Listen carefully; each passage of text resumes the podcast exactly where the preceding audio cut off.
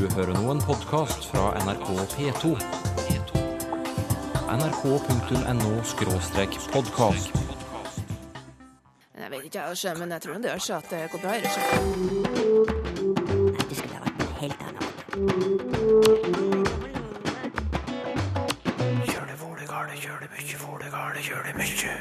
Nynorskens far, Ivar Aasen, omstridt helt inn i vår tid.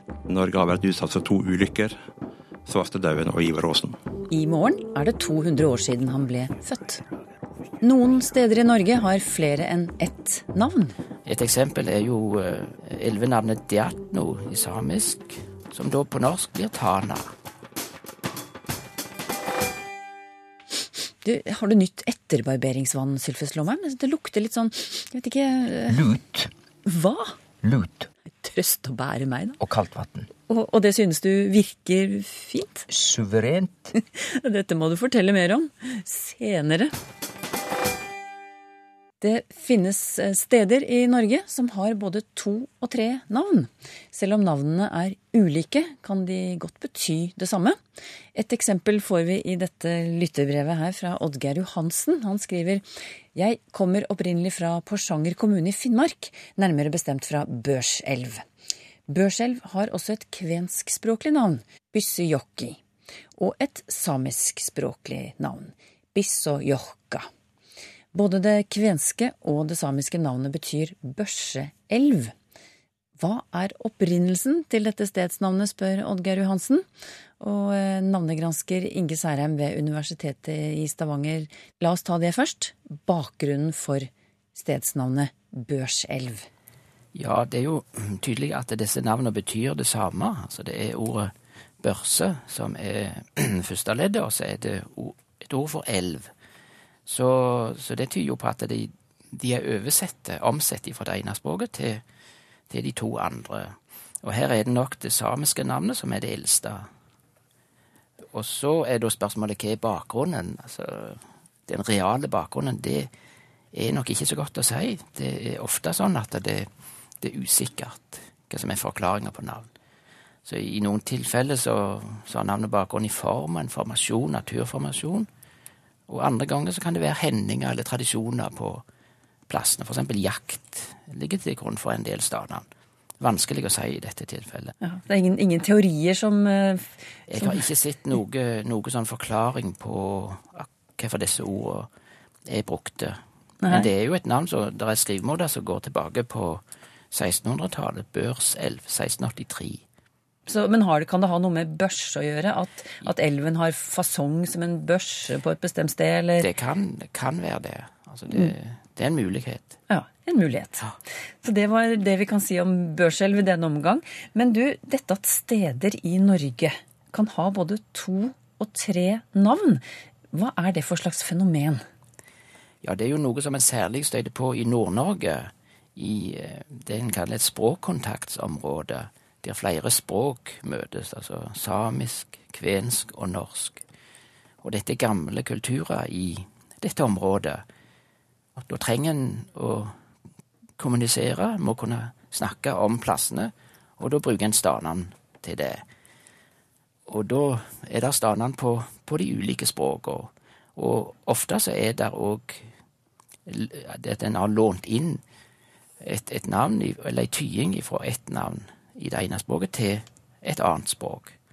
Så det er flere måter å, å gjøre dette her på, altså. Og Ja, du, Denne historien om Børselv det er jo et eksempel på at et sted har tre ulike navn, men de betyr det samme. Men eh, Kan du gi oss et sted der eh, navnene ikke betyr det samme? ja, det er det òg en god del eksempel på. Vi har eksempel navnet Lakselv i Finnmark, som svarer til det samiske lavdnja, som har uvisst opphav. Og kvensk Lemmijoki. Jokki betyr elv, men første leddet er uklart. Så der er det ulike tyinger i disse språkene. Mm. Og så sier du at i noen av tilfellene der et sted har flere navn, så er det snakk om lydlig tilpassing. Hva mener du med det? Ja, da er det sånn at et, et navn, en tar utgangspunkt i et navn, og så tilpasser en det ut ifra lydsystemet eller lyd, lyder, språklydene som finnes i et låntakerspråk. Et eksempel er jo uh, elvenavnet Diatno i samisk, som betyr ei store elv, som da på norsk blir Tana.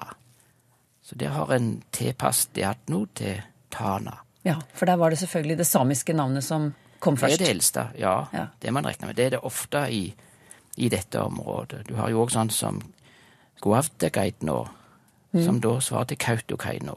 Ja. Men så forstår jeg det slik at noen av disse navnene rett og slett skyldes misforståelser. Og hvordan kan det, hvordan kan det skje? Ja, det, det fins der òg flere, eh, flere eksempel på. Når en finner f.eks. navnet Hjemmeluft i Alta, så er det utvikla av et Hjemmalofta samisk navn. Da har en oversett eh, siste leddet, som betyr vik, med ordet luft. Eller det, det er iallfall det som det har blitt i norsk. Og det betyr jo noe helt annet. Så da får, eh, får navnet et, et helt annet innhold. Ja, hjemmeluft, hva skulle det være for noe? Nei, det gir jo ikke mening. Så, men, men det er sånne eh, litt merkelige resultat som det kan bli når en, når en tilpasser eh, navn fra et helt annet språk til et annet språk. Men når, når da stedsnavn har blitt eh, gjort om fra et navn til et annet, er det alltid det samiske navnet som kommer først? Eller hvilken vei går låneretningen, hvis du skjønner? Ja, veldig ofte er det det samiske navnet som, som er først i, i Nord-Norge. For det, det er en gammel kultur, og, og så har en uh, hatt behov for å få eh, disse navnene òg inn, f.eks. inn i eh, offisielle dokument på kart osv. Og, så, og så får en eh, ei form på norsk, og den har da av og til blitt oversett, og andre ganger lydelig tilpassa. Og det var òg sånn at en eh, ved kartlegginga had, tidligere hadde ganske strenge regler og drev en nokså hardhendt fornorskingsprosess. Altså en, en ville ikke ha samiske navneformer på, på kartene. Og det var faktisk en eh, instruks da fra sist på 1800-tallet om at samiske navn de skulle byttes om med de navnene som nordmennene brukte, eller de som talte norsk, de navnene som de brukte, eller de skulle omsettes til norsk. Og da sier det seg sjøl at det kan lett bli misforståelser. Det fortalte navnegransker Inge Særheim ved Universitetet i Stavanger. Et norsk skriftspråk som bygget på dagligtale fra hele landet. Det var Ivar Aasens store livsprosjekt. I årevis, fra 1840-tallet og framover, reiste han rundt i Norge og samlet inn dialektprøver. Lønnet av Det kongelige norske vitenskapers selskap i Trondheim. Aasen påviste at talemålet i bygdene var utviklet direkte fra gammelnorsk. De var slett ikke varianter av dansk, slik mange hevdet. Høsten 1852 skrev Aasen i en artikkel. Forholdet mellom de to språk er av en så uheldig beskaffenhet at den eneste sikre utvei for oss ville være at anlegge en aldeles norsk språkform. Og det var det han gjorde. Han skrev en samlende normal for alle dialektene i form av en ordbok og en grammatikk. Og dette folkespråket, som han kalte det, ble offisielt i 1885. Og nesten 45 år senere vedtok Stortinget at Aasens målform skulle hete nynorsk. I morgen, 5. august, er det 200 år siden Ivar Aasen ble født. Og du har akkurat gitt ut en ny biografi om ham, Ottar Grepstad, direktør ved Nynorsk kultursentrum. Du La oss snakke litt om synet på Ivar Aasen før og nå. Hvordan reagerer samtiden hans da han i 1852 for første gang lanserer tanken om et norsk skriftspråk tuftet på dialektene? Det vekker reaksjoner med en gang, politisk. Faglig er det ingen som kritiserer Ivar Aasen så lenge han lever. Eh, Men politisk så var det sterke reaksjoner alt i 1852. Såpass sterke de første åra at han nok etter en tiårs tid, la oss si det slik, trekte seg unna den offentlige debatten om prosjektet sitt, og konsentrerte seg om å gjennomføre det. Hva slags reaksjoner er det vi snakker om? Nei, Da snakker vi om reaksjoner i retning av den fremste uh, meningsretteren og smaksdommeren på 1800-tallet var Markus uh, Monrad, som var filosof og, av bakgrunn, og han mente at det var det han kalte svermeri, at en skulle kunne bruke dette folkespråket til å skape kunst, til å dikte på osv. Hvorfor, uh, hvorfor mente han det? Nei, Det var nok den tidstenking om språk, at språk skulle være elevert og danna, sofistikert det skulle være elitens språk. Den gangen var det jo en reell elite i samfunnet. Eh, og det var en jeg tror det var en absurd radikal tanke for han at en skulle kunne dikte på noe annet enn det fornemme kulturspråket, som han kalte det. Mm. Hva slags støtte fikk han for dette synet?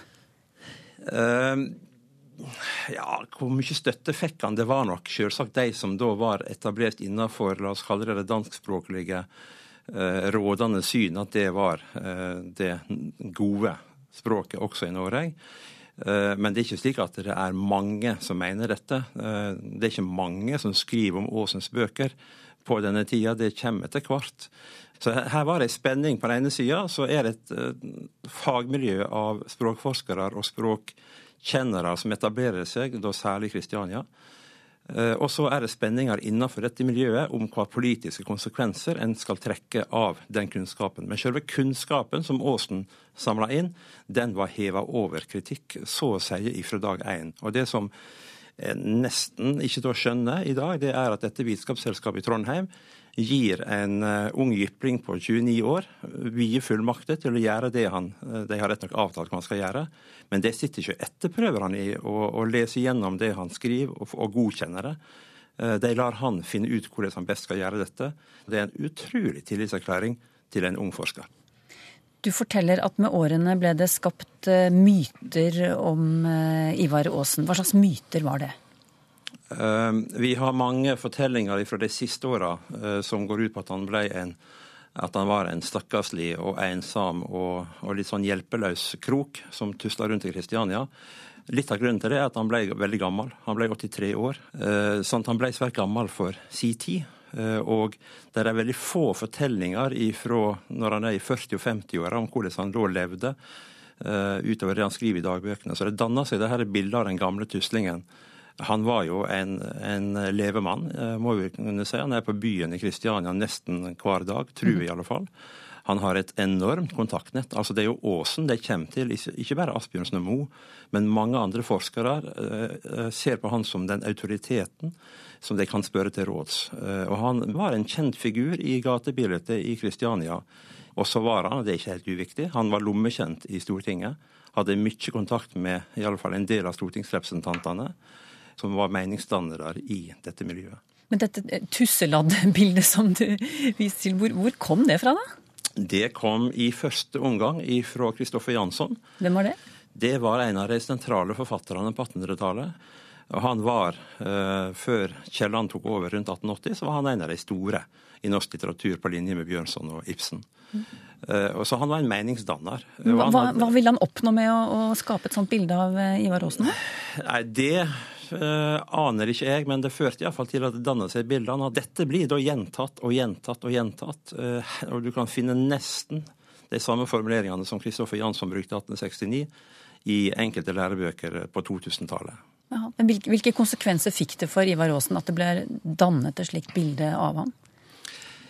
Uh, ikke så mange. Han, han, brydde seg ikke så veldig om det, tror jeg. Men han var samtidig interessant nok veldig nøye hvis uh, Han ble jo omtalt etter hvert i noen leksikon, både i uh, Danmark og Tyskland f.eks. Og da sendte han et par ganger rettinger. Og hva var han retta? Jo, det var at de skrev at han kom fra en fattig heim. Det ville han ikke ha på seg, og ikke ha på foreldrene sine. Det var, det var simple kår, men det var ikke fattige kår. Det var for han et svært viktig skille uh, å, å, få fram. Og så danner seg dette bildet av at fyren var så fattig sjøl. Han brukte lite penger på seg sjøl.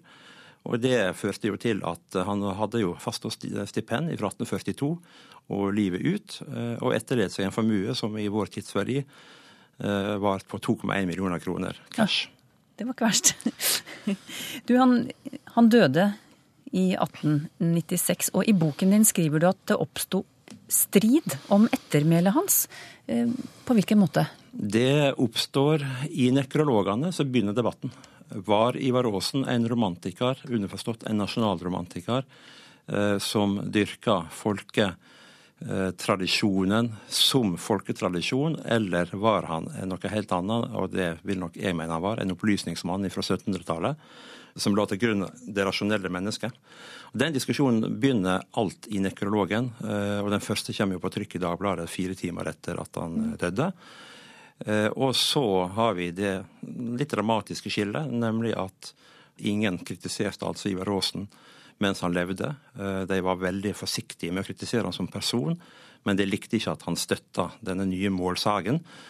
Eh, og fire timer etter at han døde, så gikk Bjørnstein Bjørnson nesten direkte fra jordferda for Åsen og inn i ei kirke i Kristiania. Og der holdt Bjørnson en tale der han eh, distanserte seg for første gang fra det Aasen hadde stått for. Men en, en kamp om ettermælet. hvor gikk eh, skillelinjen i, i, i, denne striden?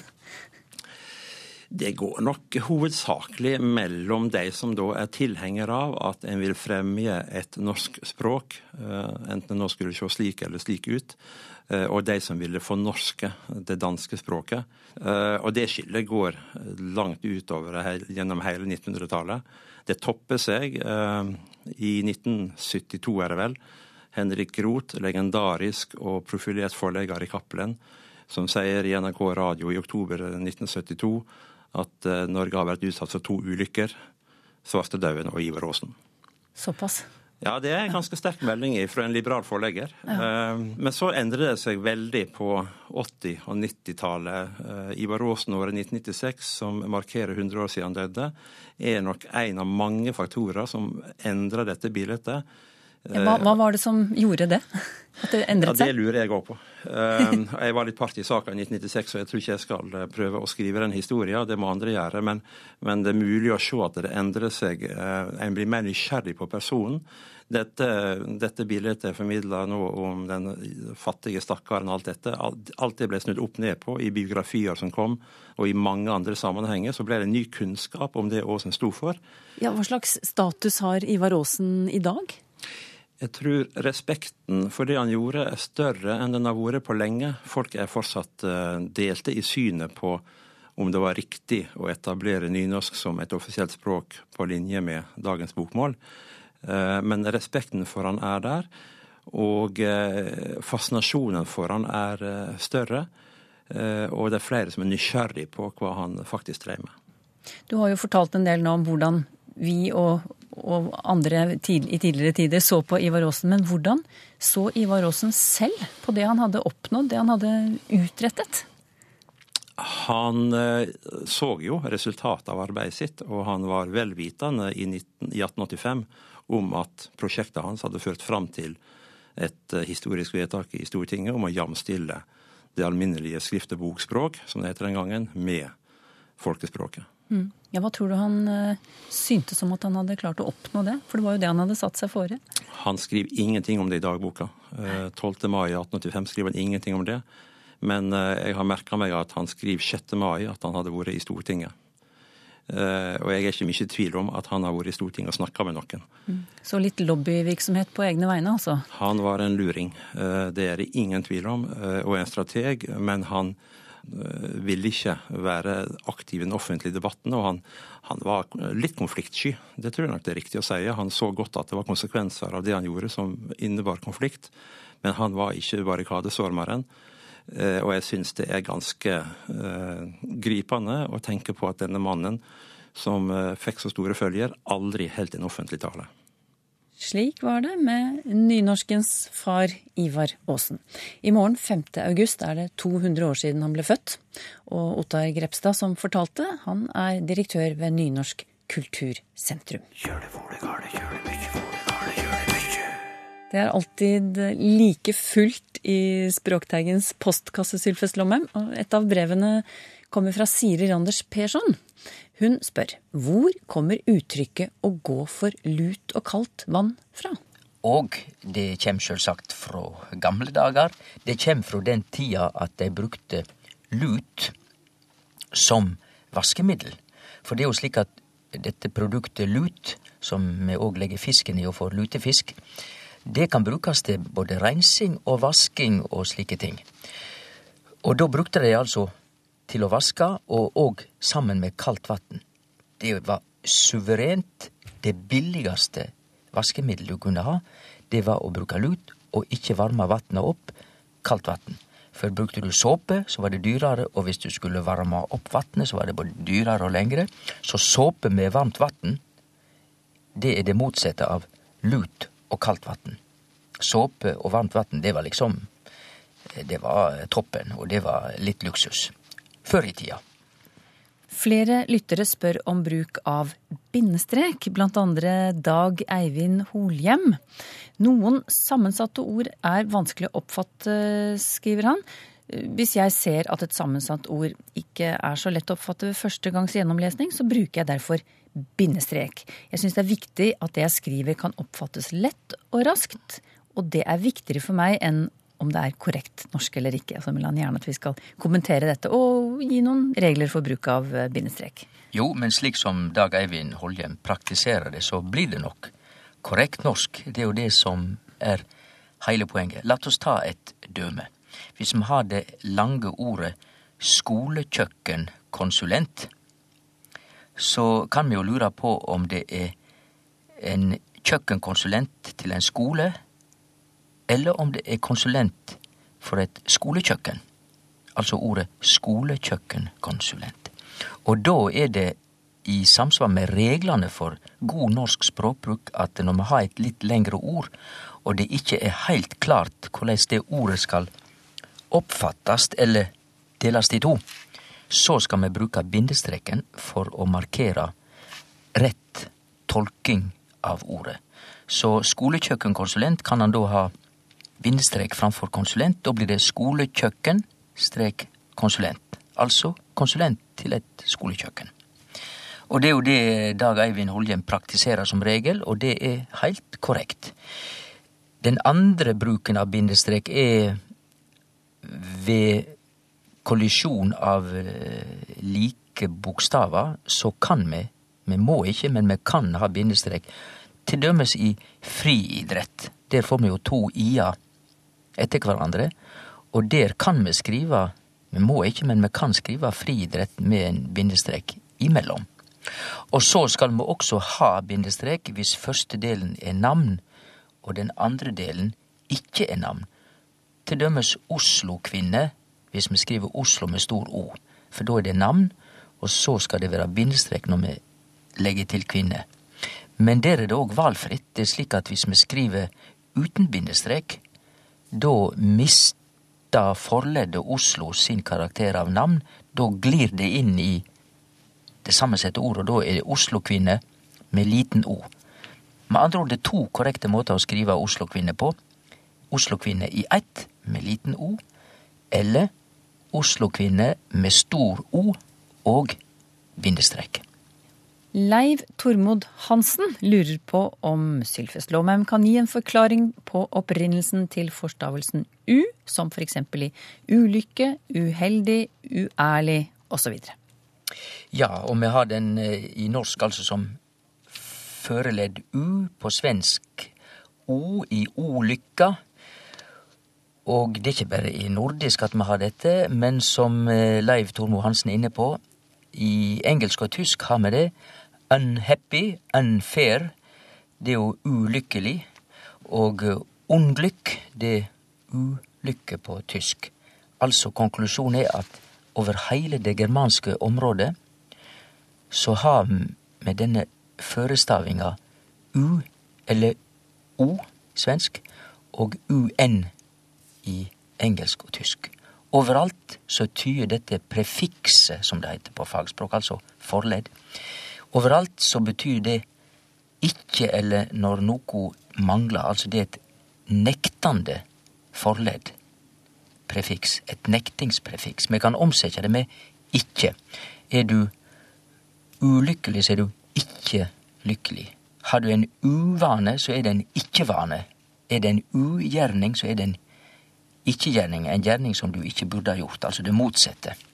Så, og systemet er U i skandinavisk og UN i engelsk og tysk.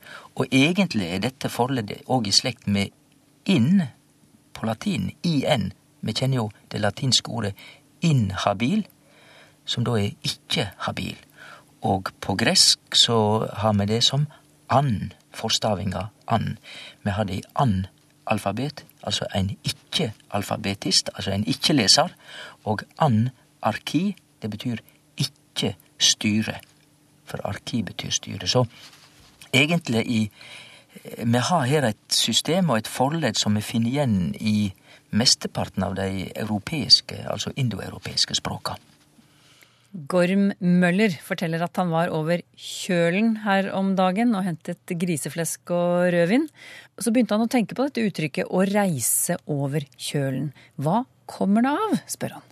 Da må vi tenke oss eh, at vi er høyt oppe i himmelrommet og ser ned på eh, Norge og Sverige, altså den skandinaviske halvøya, og da går denne fjellrekka nord-sør og opp som kjølen på ein båt.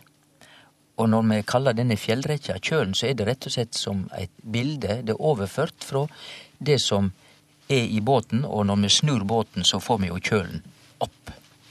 Og det ordet, kjøl, det skal eh, bety langt tilbake noe som er litt bøygd, krumma, kanskje.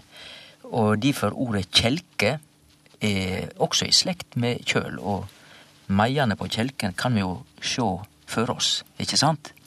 Og det sies til og med at um, bynavnet i Nord-Tyskland, Kiel, skal muligens ha noe òg med kjøl å gjøre. Det som i alle fall er sikkert, er at de norrøne vikingene i Frankrike, de tok med seg dette ordet sjølvsagt kjøl, og sørga for at i dagens fransk så er det franske ordet for kjøl la quille. Q-i-l-l-e, og det er rett og slett vårt ord kjøl. Har du spørsmål til Språkteigen? Skriv til Teigen, krøllalfa nrk.no, eller til Språkteigen, NRK P2, 7005, Trondheim. Så finner du oss også på Twitter og på Facebook. Vi nærmer oss valgkampstart. Og våre folkevalgte kommer til å være verbalt aktive som aldri før. Men forstår vi hva de sier? Man må jo prøve å liksom se litt hva som ligger mellom linjene i dette forskjellige politikerne sier, da. For det er jo litt vanskelig å tyde hva de egentlig mener i mange av de debattene som er. Om politikerspråket i Språkteigen neste uke.